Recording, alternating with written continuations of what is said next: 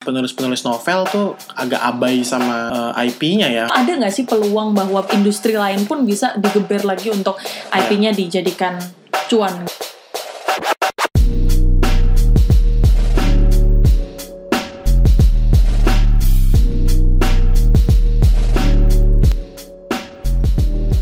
Hai, this is Mutia and you're listening to podcast P3K, Pertolongan Perspektif pada Kehidupan. It's been five months since I last record my podcast.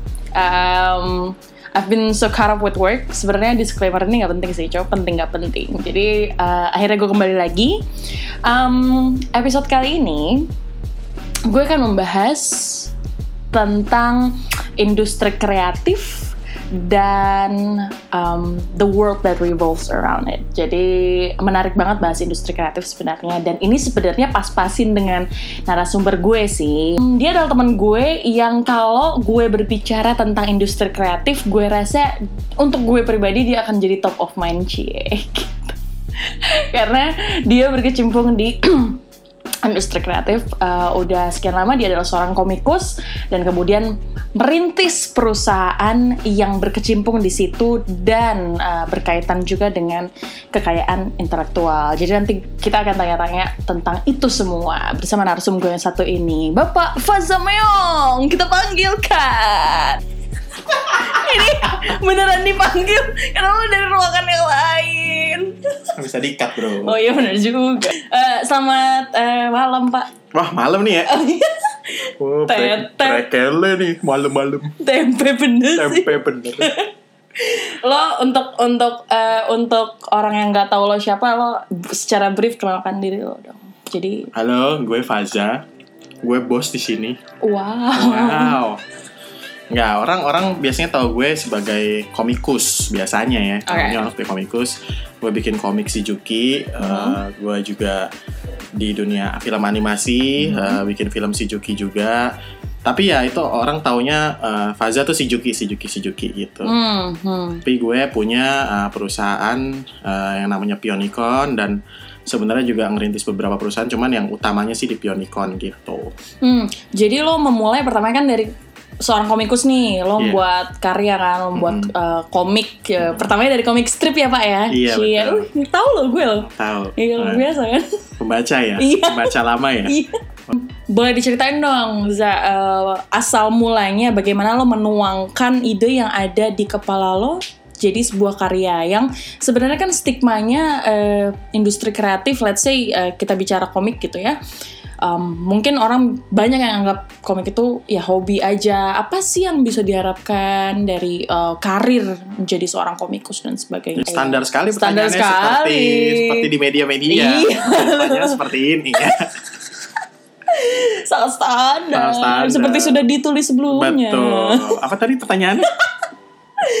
Oh ide. Iya, ide. Ya, ide bisa dari mana-mana. Ini Wah. juga pertanyaan sta- jawaban Jawaban standar. pun standar. Jawaban harus standar. Nggak apa-apa, Karena mem- apa. memang benar ide dari mana-mana, dari uh, curhatan temen lo, dari berita di TV, dari apa yang terjadi di media sosial, apa yang terjadi uh, belakangan ini, itu semua bisa jadi ide cerita sebenarnya. Dan rencananya sebentar lagi kan akan ada em, kolaborasi lain, ada karya lain, dengar-dengar akan ada TV series, akan ada kartun dan Hmm, kata sebagainya. siapa?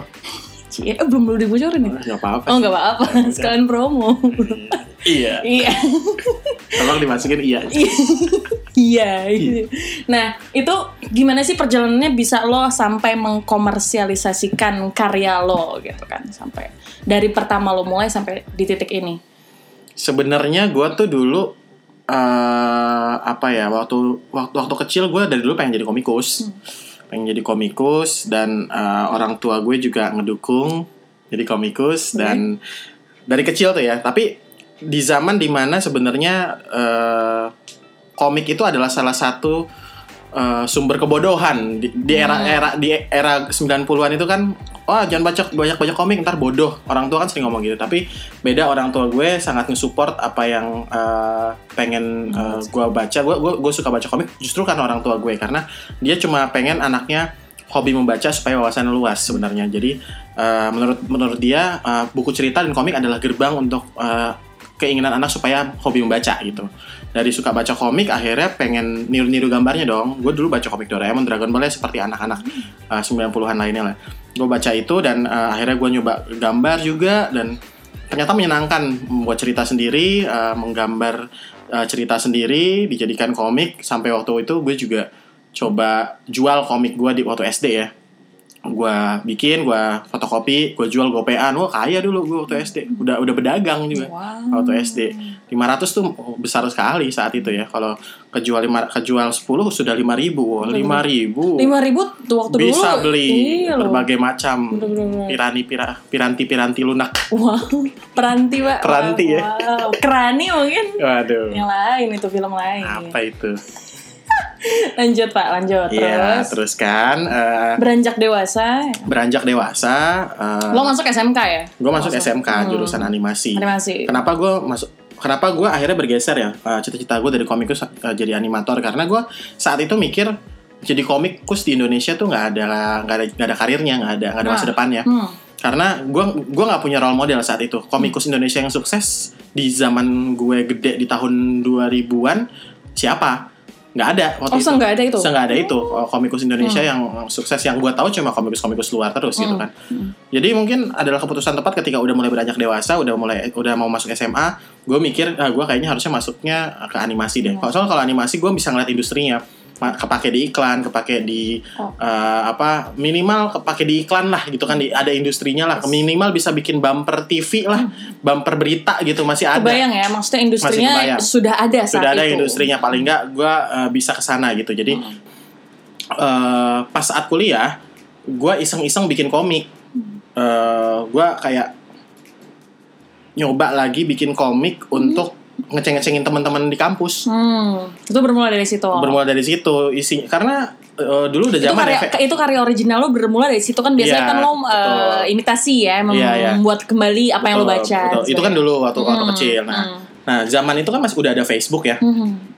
Facebook udah cukup happening lah 2009 itu. lo share lah Nah, komiknya itu sebenarnya daripada gue bikin status Facebook, ceng-cengin teman, no mention, wah belum bisa mention saat itu. oh iya no mention ya iya. No mention. Eh, ceng-cengin temen via status, mendingan gue gue komikin kelakuan-kelakuan temen gue saat kuliah gitu. Mhm. Dulu kok judul komiknya DKV 4 Oke. eh, tentang anak DKV dalam 4 Empat panel. babak.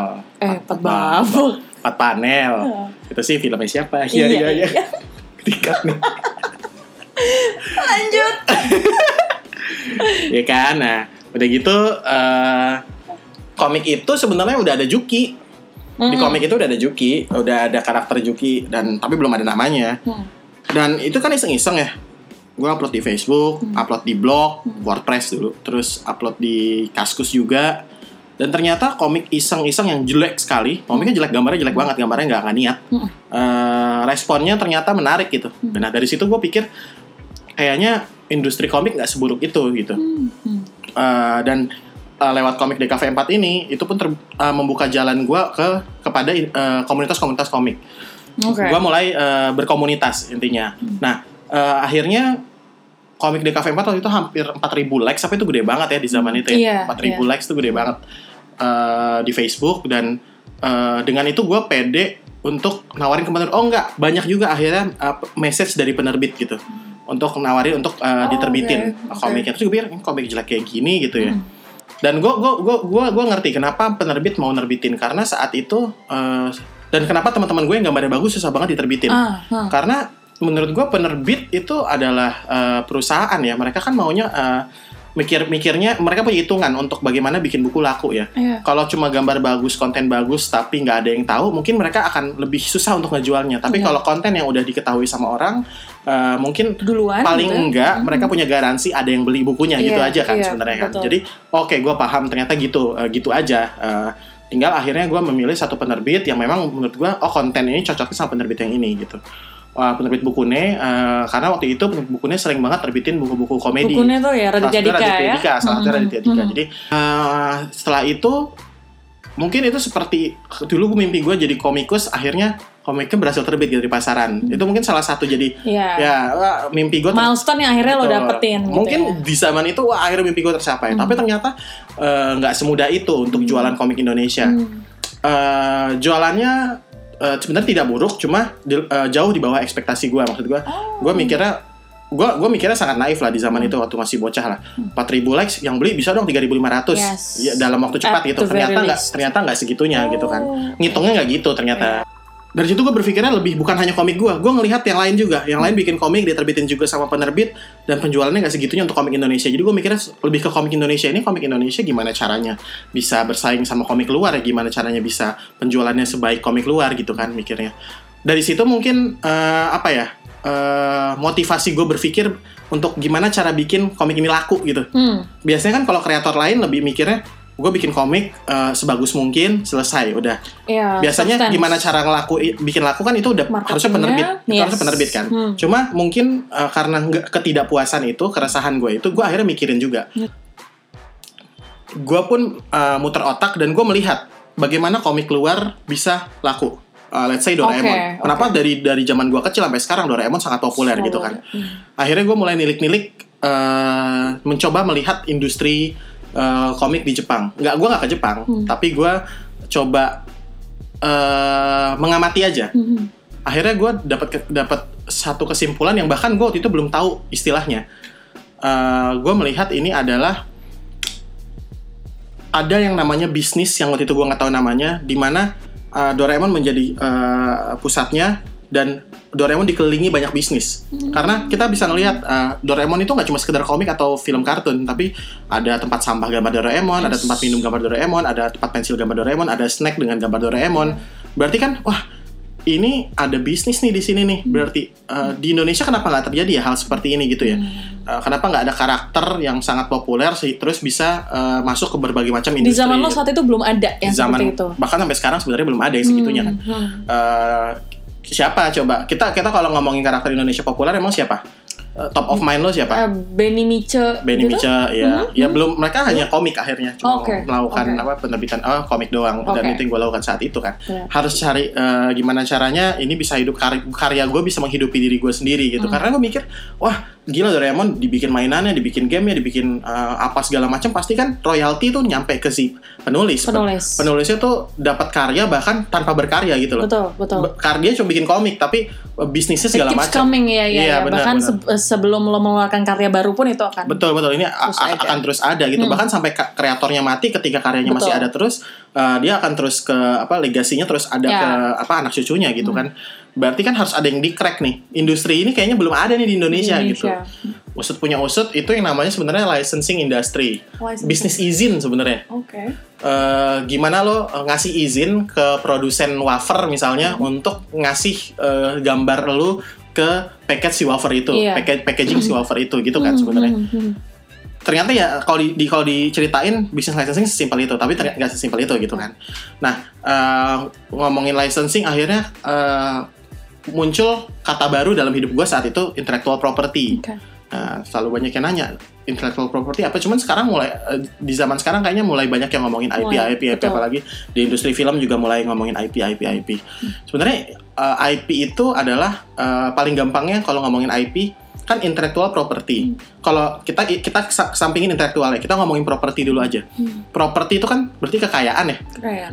Kita kalau ngomongin properti kita selalu ngomongin properti lo apa oh gue punya rumah gue punya aset rumah gue Yes. punya properti sekarang selalu rumah lah pikirannya kan Hmm. berarti kan kekayaan yang ber- ter- berwujud gitu Berwujud. ya kayak uh, tangible gitu ya bisa Hmm. dipegang oh mobil properti lo Yes. rumah properti lo ketika kita tambahkan intelektual berarti uh, kekayaan yang sifatnya intelektual bisa Oke. jadi ide Ah, nah uh, akhirnya dikerucutkan oh IP yang ber, uh, ber apa berfokus sama dunia entertainment berarti uh, bisa jadi ya cerita komik, Mm. cerita film, ceritanya, kontennya gitu kan. Yang dijual adalah izin menggunakan IP gitu kan, licensing IP licensing akhirnya kan. Oke. Gitu. Akhirnya di situlah lo membuat lo memprakarsai satu perusahaan ini yang sekarang lo Hmm. Nah, bersama. gue cuma coba mempelajari itu dan Mm-hmm. gue berpikir wah nggak bisa nih gue maju dengan komik ngampus. Oke. Yang paling gampang kelihatan sukses adalah uh, yang mainnya karakter SpongeBob, Juki, Mickey Yes, Mouse. exactly. Makanya si Jukinya harus gue majuin. Hmm. Nah di situ di tahun 2012 gue mulai uh, bikin komik baru judulnya si Juki. Si Juki harus bisa jadi uh, brand, harus bisa jadi harus pak ke depannya harus jadi bisnis IP. Oke. Gak tahu gimana caranya. Gue pertama gue gak punya mentor. Kan biasanya orang kalau bisnis biasa punya mentor ya. Iya. mau memulai bisnis pernah gua- ngelakuin ya, betul. Gue nggak punya mentor karena gue nggak tahu nyari mentor yang paham ini ke mana Mm-mm. dan siapa gitu. Karena nggak ada top of mind di dunia IP ini saat itu kan. Iya. tapi ketika lo mau memulai sebuah bisnis lo perlu modal kan. Mm-mm. gue nggak punya duit saat itu. Duit gue ya buat bayar kuliah buat bayar eh, buat bayar yang lain ina itu ina itu. Eh, akhirnya gue berpikir yang namanya bisnis berarti punya modal. Modal gue berarti bukan uang jadi gue gue selalu berpikir di bisnis IP itu nggak modal nggak selalu uang. Tapi bisa jadi pertama lu modal eh, bikin konten. Modal waktu sama modal otak lu aja gitu. Karena di zaman di zaman gue itu sudah eh, sudah cukup ramai namanya media sosial. Iya, oke. akhirnya cara cara paling utama kan sebenarnya bikin kenapa Doraemon bisa sebesar itu? Karena semua orang kenal Doraemon. Ya Oke. semua orang harus kenal Juki Nah, jadi gue menggunakan media sosial Very untuk logic ya ya. ya itu logik banget gue harus menggunakan media sosial yang gratis ini Iya. yang sangat gratis ini untuk mengenalkan si Juki ke halayak gitu Mm. kan ya udah menggunakanlah Facebook Twitter. Instagram Iya. dan gue harus punya uh, diferensiasi nih atas konten gue oh uh, si Juki ini bisa ngomong lu lu uh, kalau di zaman Doraemon dulu lu nggak bisa ngobrol sama Doraemon kan Nggak di bisa. zaman media sosial lu bisa balas-balasan mention Betul. sama Juki Betul. lu bisa balas-balasan komen sama Juki bahkan lu bisa uh, bacot-bacot sama Juki Mm-mm. gitu kan lo ngerasa Juki hidup di sekitar lo ada lo bisa ngeliat tiap hari oh si Juki hari ini nge-tweet apa nih Mm-mm. gitu kan nah gue ngasih value itu supaya uh, lo gue bisa uh, cukup beda dengan Doraemon dan lainnya itu kan Iya. kan saat itu kan pesaing gue itu kan Iya. konten luar itu kan Iya. gitu nah akhirnya gue berpikir untuk ya udah gue harus ngumpulin tim Hmm. tapi itu tadi mentoknya adalah gue nggak punya uang gue nggak bisa hire orang kan Iya.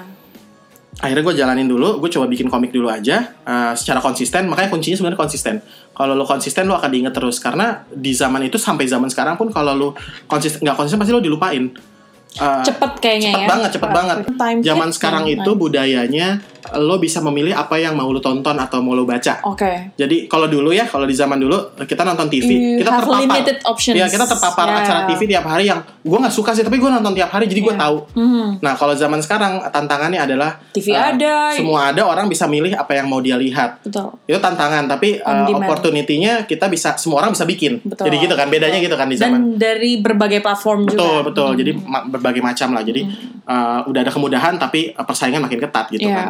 Makanya harus konsisten. Aku bikin terus konsisten eh, setahun Akhirnya lo bikin komik bikin dulu. komik aja jadi eh, gratis aja Iya. orang nggak harus nggak harus bayar Oke. untuk baca komik gua Nah, eh, cara gua mencari tim adalah gua ngambil tim dari fanbase Hmm. karena paling mudah adalah eh, ngajak kerja orang yang suka sama kerjaan kita Iya. ya kan paling mudah tuh kayak gitu Eh, mungkin dia nggak digaji juga senang kerja sama Iya, kita. iya, iya. istilahnya ya kan? Eh, makanya akhirnya gue coba mencoba eh, melakukan komunikasi sama beberapa fans Juki saat itu dan eh, beberapa teman-teman dekat gue yang ngedukung gue juga. Jadi gue ketemu lah sama beberapa partner saat itu. Eh, ada ada Charles ada Dimas ada akhirnya gue juga ketemu Mamon anak Pontianak Eh, jadi gue juga masuk ke komunitas blogger Oke, gue oke. gue cari potensial blogger yang bisa uh, bantu-bantu di Juki. Uh, adalah beberapa tim saat itu. Setelah awarenessnya udah ada, uh, stage selanjutnya adalah uh, ngetes nih orang-orang ini cuma mau baca gratis apa sampai mau beli produknya ya. Oke. Kan gitu kan? Iya. Ngetes kan. Bener. Bikin uh, diterbitin lah buku-bukunya, uh, bikinlah misalnya pre-order uh, pre-order merchandise-nya, kaosnya Iya. gitu kan, cetak segala macem. Hmm. Ya udah da- uh, dari situ kan tes market, tes market, tes market terus. Sebenarnya jadi kayak yang bangun bisnis aja sih sebenarnya. Benar. Benar. Nah, eh, pada akhirnya gue melihat eh, bisnisnya grow, gue juga masih konsisten bikin dan ternyata yang namanya monetize konten nggak cuma di saat itu nggak cuma dari jualan merchandise, tapi juga ketika Juki eh, followernya udah cukup banyak. eh, banyak brand-brand yang nawarin kerjasama dengan si Juki dan itu nilainya juga cukup besar gitu Oke. kan. Jadi sangat jadi di tahun 2013 juga eh, brand-brand ngantri gitu ya Hmm. untuk is- istilahnya endorsement ya kalau sekarang Iya, ya. Kalau dulu mungkin nggak nggak terlalu kepikiran ke arah situ gitu Iya, kan. iya. karena masih early banget di zaman itu media sosial. Dan eh, cukup menarik karena akhirnya gue punya insight baru tuh saat itu ternyata ada yang namanya B2C ada yang namanya B2B Hmm. business to consumer business to business Business. Eh, kita ke- kerjasama sama eh, perusahaan lain Ya, gitu kan ya.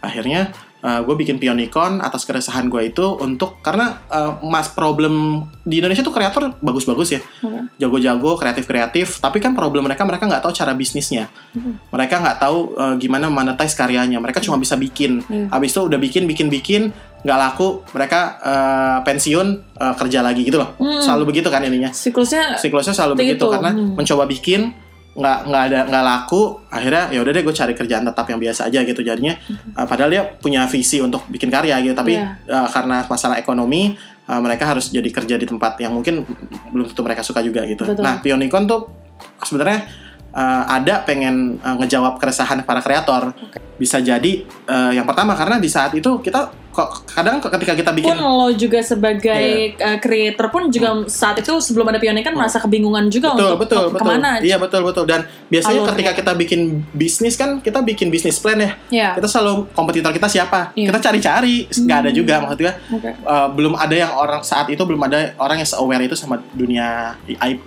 manajemen IP Hmm. banyak sebenarnya uh, IP licensing bukan manajemen ya lebih ke sales tuh banyak yang jualin yang megang Mickey Mouse di Indonesia saat itu Disney Indonesia belum Hmm. Iya, ada iya. yang megang Warner Bros di Indonesia banyak perusahaan-perusahaan kayak gitu tapi kan tetap beda ya Hmm. Visinya berarti ke depan Za lo melihat ini lo sebagai komikus juga Hmm. lo sebagai ibarat kata yang punya brand kemudian lo yang uh, berkecimpung juga di bidang manajemen IP sendiri Hmm. visinya ke depannya ini akan jadi um, suatu industri yang akan growing sustainable atau ini akan ada titik Hmm.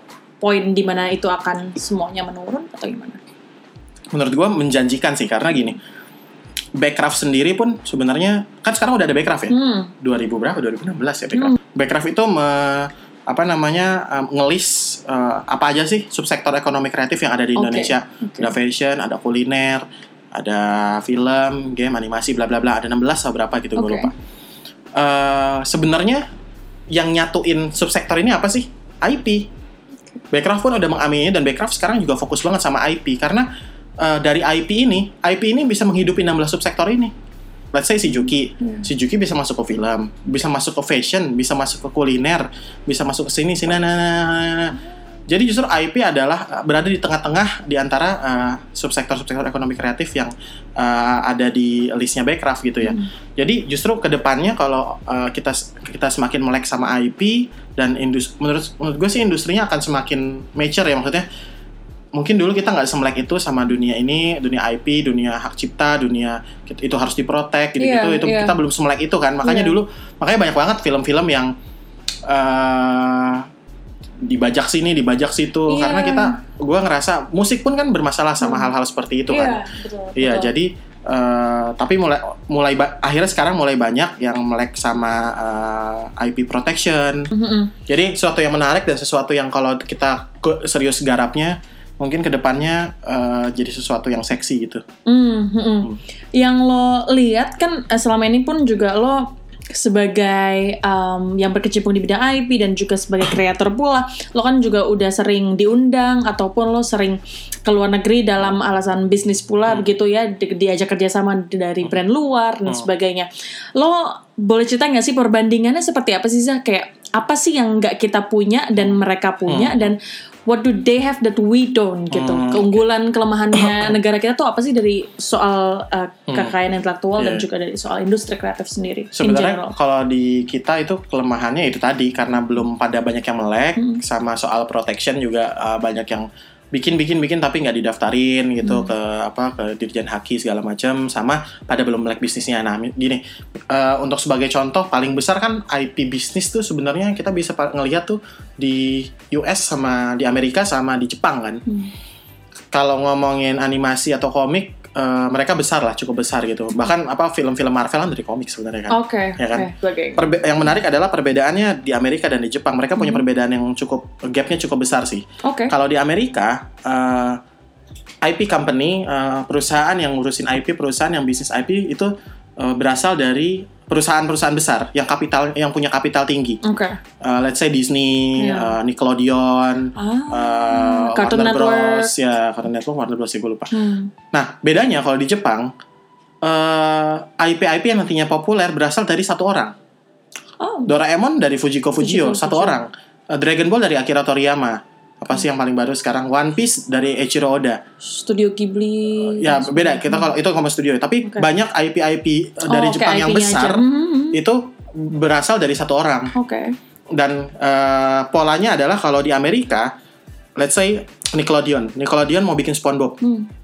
Eh, dia punya eh, orang in house yang kerja di Nickelodeon untuk disuruh bikinin eh, karakter SpongeBob. Hmm. Gue nggak tahu, gue gue lupa eh, SpongeBob ini seperti apa eh, eh, historinya atau mungkin eh, orang pitching untuk bikin SpongeBob, tapi akhirnya dia dia digaji untuk bikin SpongeBob, tapi SpongeBobnya dimiliki Nickelodeon. Iya. Iya gitu kan, gitu kan. Dan karena dia perusahaan yang besar, eh, dia langsung, wah jadiin animasi. Karena kan bikin animasi costnya tinggi banget. Iya. Bikin animasi itu tuh costnya tinggi dan langsung dibikin animasinya. Pokoknya modalnya gede banget deh, bermodal gitu. Sedangkan kalau di Jepang, eh, mereka start banyak kan dari komik. Komik tuh costnya rendah karena cuma satu orang. Iya. Ntar nambah dua orang, ntar nambah tiga orang karena ada asistennya kan. Karena- Benar, benar. biasanya eh, di tes doang tuh kayak komik One Piece tuh sebenarnya nggak langsung jadi komik One Piece series. Si Eiichiro Oda-nya tuh bikin komik eh, bikin satu komik satu chapter dengan cerita ini dengan dia dia ca- dia mencoba untuk nembus penerbit itu banyak banget konten yang dia bikin Oke. sampai akhirnya eh, penerbit tertarik sama cerita bajak Satu, lautnya dia. iya, dia betul. banyak loh dia bikin komik tentang bikin- samurai, dia oke. bikin komik tentang eh, ninja, dia komik tentang apa berbagai macam komik yang dia bikin sampai akhirnya si penerbit eh, mau untuk eh, bikin series dan yang bikin penerbit mau bikin series One Piece karena di vote saat itu sama pembaca. Jadi berdasarkan demand juga kan. Iya. Wow, semua banyak yang suka komik-komik eh, bajak laut ini. Yaudah kita bikin series. Hmm. Jadi semua pertimbangan si penerbit pun berdasarkan eh, market By gitu. demand. Ah, ah, ya udah akhirnya dibikinlah uh, series One Piece-nya. Laku nggak taunya. Hmm. Karena laku si penerbit lah. si penerbit berpikir untuk wah kita jadikan anime nih. Hmm. Jadi nggak ujuk-ujuk modal gede langsung jadi anime nggak gitu kan Iya, caranya kan. iya, iya. Caranya bener-bener sangat dari kreator dicoba laku nggak? Oh laku. Habis laku, oh uh, layak nih kita masukin anime. Nah kalau di Jepang mereka ada konsorsium uh, di mana mereka uh, ada pertemuan uh, TV, uh, studio-studio animasi, Hmm. mungkin studio musik juga, industri musik, uh, penerbit komik, uh, dan misalnya uh, perusahaan mainan, mereka ngumpul. Nah, biasanya yang jadi uh, jadi apa namanya, yang akan ngelempar proyeknya dari penerbit. Oke. Komik apa yang lagi laku sekarang? Nih, One Piece. Yuk kita bikin proyeknya rame-rame. Jadi mereka semacam asosiasi yang uh, ngumpul konsorsium. Oke, kita patungan ya. Musiknya dari lo, uh, yang nyiarin TV lo, uh, yang bikin animasinya studio lo, studio lo. Oke. Jadi mereka bikin bikin dan mereka punya kepemilikan atas uh, uh, keuntungan untuk animasi itu. Jadi mereka nggak keluar nggak uh, costnya tuh nggak keluar gede. Mereka patungan, mereka mereka kerjasama. Nah, bagaimana di Indonesia? Yang lo lihat di Indonesia. Yang gue lihat di Indonesia sebenarnya eh, yang sekarang terjadi dua itu jalan. Oke. Cara dua itu jalan. Ada eh, banyak IP IP enggak enggak banyak lah. Ada IP IP yang populer berdasarkan satu kreator misalnya kayak Juki dari gua abis itu pelan-pelan grow grow grow. Ada yang memang IP yang dari perusahaan besar. Contohnya MNC. MNC tuh punya sekarang punya studio animasi, Yang punya itu, punya Nusa TV itu, juga, bukan. Eh, dia namanya Kiko. Oke. Ya, Hmm. terus dia bikin Kiko, ditayangin di TV-nya mereka juga. Oke. Tapi eh, apa namanya? Dulu gue pikir yang paling jalan adalah sebenarnya kayak cara Jepang itu dari creator dites ke market. Oh, eh, dari creator komik dites ke market. Jadi komik itu sebenarnya lebih kayak gue selalu dari dulu gue selalu mikir komik itu komik dan animasi sebenarnya bukan eh, sesuatu yang uangnya harus balik. Dia tuh media promosi, Oke. media awareness komik sama animasi itu. Ujung-ujungnya bisnisnya adalah licensing. Dan lo sendiri merasa em, revenue-nya akhirnya pemasukan ke lo sendiri lebih ternyata jauh lebih jauh lebih menguntungkan untuk bisnis licensing ini sebenarnya ataukah kalau, tetap dari eh, eksemplar sampai komik sekarang dan komik masih jalan Mhm. Dan memang yang harus dikencengin bisnis license-nya. Karena gini. Lebih ke longevity kan lebih ke lebih ke sustainable-nya ke depan kali ya? Atau gimana? enggak. Eh, licensing bisnis di Indonesia kan sebenarnya eh, kita harus berpartner sama banyak brand-brand. Hmm. nah eh, tantangannya adalah di Indonesia brand-brand ini belum percaya sama IP lokal Oke. mereka selalu belinya eh gua mau gua gua beli ini aja deh Looney Tunes saja tisu Iya, ada gambar Looney Tunes Exactly, odol, pasta gigi apa anak, dia dan semua pakai yang luar dulu aja. Jadi Yes, memang saat Barbie, saat ya. ngomongin uh, dunia uh, business licensing, kita akhirnya uh, head to head sama si IP-IP luar ini. Hmm. Jadi uh, gimana caranya kita sebagai uh, pemilik IP lokal harus bisa meyakinkan para brand-brand ini untuk kerjasama sama kita. Hmm, pahitnya adalah walaupun udah di industri digital, uh, karena yang punya brand-brand ini orang-orang tua, Benar. Mereka Kayaknya mikir- outlet mereka, mereka media mikirnya- tuh masih top of mind tuh ya TV. Tapi bener juga menurut mereka karena uh, media konvensional saat ini menurut gua masih kenceng. TV Hmm. di daerah orang nonton TV. Iya. Nggak segitunya sinyal internet mungkin nggak segitunya sinyal internet Betul. untuk nonton YouTube mulu gitu. Ini Iya. mungkin kata-kata besar aja. Jadi TV menurut gua memang masih powerful. Makanya uh, kalau ada kesempatan untuk eh, bikin series TV harus di eh, man- maksimalin menurut gue sih. Jalan tadi komik dan animasi. Terus di uh, industri kreatif kan kayak lo bilang cabangnya kan banyak, ya kan kita lihat kita lihat saya musik, buku Hmm. Iya, iya, dan sebagainya. iya. Sebenarnya IP juga bermain nggak sih di industri-industri tersebut gitu? Kepentingan IP itu. Ya pasti bermain lah. Mhm. Contohnya mau apa emang? Buku, let's say kalau Novel. novel, Iya. novel bestseller, Iya, jadikan Gue film. gue ngeliat uh, penulis-penulis novel tuh agak abai sama uh, IP-nya ya. Kayaknya kan menurut gue ya, menurut gue ya, prestasi sebuah novel tuh kan sudah udah udah bestseller ya. adalah difilmkan dan that's it gitu kan Iya, sampai iya. saat ini gitu Betul, kan. betul, betul. Menurut lo ada nggak sih peluang bahwa industri lain pun bisa digeber lagi untuk. IP-nya dijadikan cuan gitu? Sebenarnya yang menarik itu dong Dilan sebenarnya kan. Hmm, hmm, Dari buku ke film. Nah, terus dari film karena filmnya laku banget, semua brand ngambil. Kemarin Tenggo, Tenggo Dilan. Sari Roti, Sari Roti Dilan. sampai jadi taman. Nah, Taman Dilan. Maksud gua, berarti kan sepowerful itu juga uh, IP-IP yang dari novel juga. Menurut gua tinggal gimana kita mengelolanya aja sih. Berarti ada peluangnya sebenarnya. Peluangnya besar, semuanya ada menurut gua. Em, untuk para kreator baru di luar Hmm, sana yang mendengarkan ya kan yang baru membuat karyanya dan berkecimpung di eh, industri kreatif yang mungkin masih growing sekarang Hmm. Tips lo apa kira-kira untuk eh, mempunyai alur yang paling tidak kan karena lo kan sudah memakai- mau makan asam garamnya nih Hmm. sehingga bagaimana nantinya agar punya karir di bidang industri kreatif bagaimana akhirnya bisa at least punya IP yang akhirnya nanti sustainable di di kehidupan yang akan datang Ini standar nih pertanyaannya Ini standar. seperti di TV-TV. Lumayan. Anda orang TV ya. Iya, Aduh. waduh. Jangan dibahas Aduh, dong. Gini loh. Gini loh. Kayak pejabat juga Anda bahasnya. Industri kreatif itu sebenarnya sekarang pekerjaannya udah cukup oke. Tapi kan gini pertanyaannya. Cukup kalau di, cukup diplomatis. kalau di industri kreatif, lu pengen kerja as a services atau lu pengen bikin IP? Hmm, ngerti. Oke. Kalau lu pengen, jadi ini dulu, yang lo kejar apa sih? Yang lo kejar misalnya hidup lo aman, Ya. eh, secara finansial aman. Berarti ya lo kerja servis aja. ya, proyekan, proyekan. proyekan proyekan atau Oh. lu emang kerja di uh, agensi kreatif itu kan industri kreatif Iya. lu uh, jadi copywriter buat iklan lu digaji per bulan sama si agensi atau kalau misalnya komik lo masuk ke studio komik digaji per bulan sama si studio untuk bikin komik atau kayak ya, kan banyak kan komik-komik komikus komikus Indonesia yang ngerjain komik buat Marvel service itu kan Iya. Uh, bukan mau kita sih maunya klien sih Betul. tapi dapat uang terus nih Betul. Nah itu industri kreatif jalan banget sebenarnya. Di film juga uh, lu jadi makeup artis di uh, proyek-proyek uh, proyek-proyek film dipakai terus itu jalan terus kan. Iya. Tapi uh, pertanyaannya makanya tujuannya apa dulu? Kalau tujuannya fi- finansial aman banyak. Sekarang industri kreatif uh, ininya peluangnya untuk bisa kerja dan sustain di situ. Hmm. Tapi kalau pertanyaannya pengen gue pengen berkarya dan gue pengen hidup dari karya gue sendiri. Hmm. Nah berarti kan jalurnya adalah bikin karya dan karya itu harus dimonetize gitu kan. Hmm, hmm, hmm. Banyak jalurnya. Misalnya apa? Misalnya lu pengen pengen eh, tetap mikirnya oh gue ntar mau IP bisnis tapi startnya dari mana? Oh, gue mau startnya dari nulis buku. Ya udah, Nulis nulis, buku, buku, bisa, misalnya. ya kan? Hmm. Tapi kan ntar tinggal cari tahu nih nulis buku tuh tantangannya apa aja sih?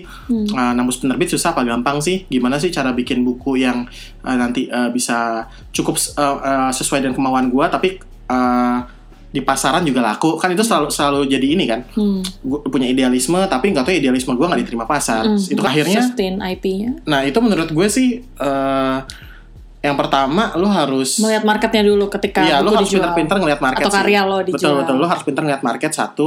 Sama karya, lu harus tahu karya lo cukup eh, bisa bersaing dengan karya-karya lainnya. Ketika kita Hmm. mem- memutuskan untuk membuat cerita, membuat karya, pasti kita harus ngeliat dulu. Udah ada belum sih yang bikin topik ini? Udah ada belum sih yang kalau gue masuk di genre ini kira-kira pesaingnya siapa aja sih? Kayak business plan juga sebenarnya. Kayak bisnis plan juga sebenarnya karena Mhm. kalau emang mau masuk ke arah bisnis mungkin semua memang harus diperhitungkan. Beda sama eh, kalau lu mau berkarya karena kepuasan diri lu ya udah berkarya aja bodo amat gue nggak peduli pasar kan ada juga yang kayak gitu dan kebetulan dan kebetulan laku ada juga loh yang kayak Iya, gitu loh. iya. Kayak PD baik menurut gue seneng aja dia nulis Dilan. Hmm. Mungkin dia nggak terlalu memperhitungkan itu. Banyak juga loh kreator-kreator yang asal nulis-nulis tiba-tiba meledak. Tapi ada juga yang memperhitungkan gitu kan. Hmm. Nah, kalau pengen eh, cepat ngejar ke situ berarti kan harus penuh perhitungan sebenarnya. Betul. Penuh perhitungan tapi jangan sampai ngi- ngilangin creativity lo gitu, kreativitas lo gitu kan. Jadi emang eh, susah gampang. Ya lo pikirin kontennya harus cukup unik ketika lo muncul. Misal lo, ah gue pengen bikin konten ini deh eh, cerita eh, cita-citaan anak SMA. Nah, kan pertanyaan cerita cita-cita anak SMA yang gimana? Iya. Yang menurut market yang cukup menarik, yang kayak gimana? Makanya lo harus riset kan Betul. oh cita-cita anak SMA sekarang gini gini oke gue bikin yang cukup beda deh tapi tetap disukain market juga nih kemungkinan Di- Hmm. tes nah tes dulu lempar pasar Eh, kemakan nggak makanya harus try and error try and error Try and juga error, ya. nah memang kalau pas gue bangun membangun Juki banyak try and error eh, try and error gue kebetulan hoki gitu loh Iya. dapat dapat dapat dapat Eh, kan banyak juga orang yang try and errornya panjang bertahun-tahun bikin terus gagal bikin terus gagal bikin terus gagal bikin lagi bikin lagi. Nah ntar yang diuji adalah sam napas lu. Lu cukup lu cukup bertahan nggak untuk terus kayak gitu? Apa ujung-ujungnya? Ah, udah gue cari kerjaan yang bisa gue bikin gue makan dulu besok. Mungkin beda kalau misalnya lu adalah orang yang udah selama ini kerja. Kan ada juga yang tipe gini udah kerja bertahun-tahun di sebuah perusahaan. Aduh bosen nih gue kerja mulu kebetulan udah- juga udah punya Ya tabungan iya. ya kan Mhm. ya udah gue coba deh berkarya ada juga yang kayak gitu dan uh, dan mungkin berhasil juga gitu jadi tergantung lo startnya uh, di mana kapan dan seperti apa gitu kan Faktor internet tuh sebenarnya ada jeleknya nggak sih Za? Kalau bagus-bagusnya kan sudah pasti dong Iya. untuk ma- proses marketing dan sebagainya untuk untuk membuat viral Iya, dan iya. sebagainya dikenal orang. menurut gue ter- jelek atau bagusnya tergantung orangnya sih Hmm. kalau lu orangnya baperan kan seniman banyak yang baperan ya Iya. Nggak tahan ngeliat komen-komen atas karya lo di medsos ya itu jadi toksik bagi lo Yang lo tahu, eh, seniman-seniman yang lo tahu gitu banyak, banyak, banyak yang yang kayak akhirnya. gitu, banyak yang akhirnya- Oh oke. gue upload karya udah gue ngeliat komennya atau gue upload karya lihat komennya jadi down akhirnya nggak berkarya lagi juga ada jadi itu tergantung tiap orang kan menurut gue Hmm. menyikapi internet kalau gue sih selama barang gue laku mau gue dicerca-cerca gitu kan Hmm. selama gue ngerasa selama, enggak menurut gue seniman tuh harus bertanggung jawab sih atas karyanya Oke. jadi selama lo bisa mempertanggungjawabkan karya lo Hmm. tapi kan pasti walaupun kita bikin karya seideal atau sebaik mungkin bagi kita nggak Pasti, semua orang iya. seneng kan sama You karya kita ya udah kita dari Hmm. situ aja mikirnya pasti eh, nggak mungkin semua orang suka sama Dan karya lo nggak kita bisa merambah semua betul segmen. ya. betul tapi semua segmen bisa lihat karya lo Hmm. dan bisa Dan nyerca bisa, karya lo betul, bisa Nah, bereaksi sekarang apa pun. tinggal kontrol diri lo aja self control aja lu Oke. baper nggak digituin kalau lu dari awal udah mikir kita nggak bisa nyenengin semua orang ya selesai akhirnya Oke. akhirnya internet bener-bener uh, bisa jadi benefit bagi lo menurut gua gitu sih Lo tiap tahun konsisten nggak akhirnya bikin breakthrough breakthrough? Ah ya cukup konsisten Oh, tuh ya? kayak gitu lah. Oke. Keuntungannya punya perusahaan sendiri kan gue bisa bener-bener ngedrive uh, Cukup apa leluasa ya. ngedrive kapal gue ini dengan wah uh, kemarin kita udah lewat uh, laut ini. Ah jangan dong kita lewat laut yang lebih uh, serem aja yuk Hmm. biar lebih seru. Tapi kalau kita berhasil kita dapat harta karun yang lebih gede gitu gitulah. Hmm. Jadi uh, itu keleluasaan gue sih menurut gue dan Hmm. gue selalu pengen uh, ngedobrak misalnya karena uh, karyawan-karyawan gue juga kalau selalu melakukan sesuatu yang sama uh, pasti mereka akan bosan kan tapi kalau gue selalu bikin gue bikin ini bikin ini bikin cari ide-ide baru uh, coba ngedobrak hal-hal baru itu itu yang bikin gue hidup sih akhirnya Oke, benar, benar. Oke, ada lagi yang jangan. mau dibicarakan, Pak? udah pulang ini, saya ini saya cukup udah banyak, hujan nih udah hujan udah mau hujan bentar lagi ditungguin anak istri Ya ampun, belum beli makan di Aduh. rumah ya. Baik, terima kasih nih eh, eh, seorang Faza Meong sudah meluangkan waktu kesibukannya begitu ya. Anda jangan senyum-senyum Anda. terima kasih ya Pak. Terima kasih Faza Meong atas kesediaannya nih ya ngobrol di podcast P3K. ah siap Anda ini ini bukan episode ketiga sudah saya dengan Atta Halilintar Anda. Terima kasih untuk teman-teman yang dengarkan. Semoga ini bermanfaat juga untuk kalian mendengarkan di kala senggang, lagi di MRT kita yang baru, atau di komuter lain, atau sedang perjalanan, atau lagi mau tidur dan sebagainya. Semoga podcast ini mengisi hari-hari kalian ya. Jangan lupa untuk em, dengarkan terus, follow podcastnya di Spotify atau follow em, social media gue juga boleh untuk eh, masukan-masukannya kira-kira apa aja yang mau dibahas di topik-topik selanjutnya. I'm Mutia signing out. Thanks for listening. Bye. bila bom nuklir diledakkan tenenet ini ada di ini ya ada di post credit scene lagu ini gue menyanyikan itu tolong ya Harus dimasukin. Oke, thanks. ya, ada bakat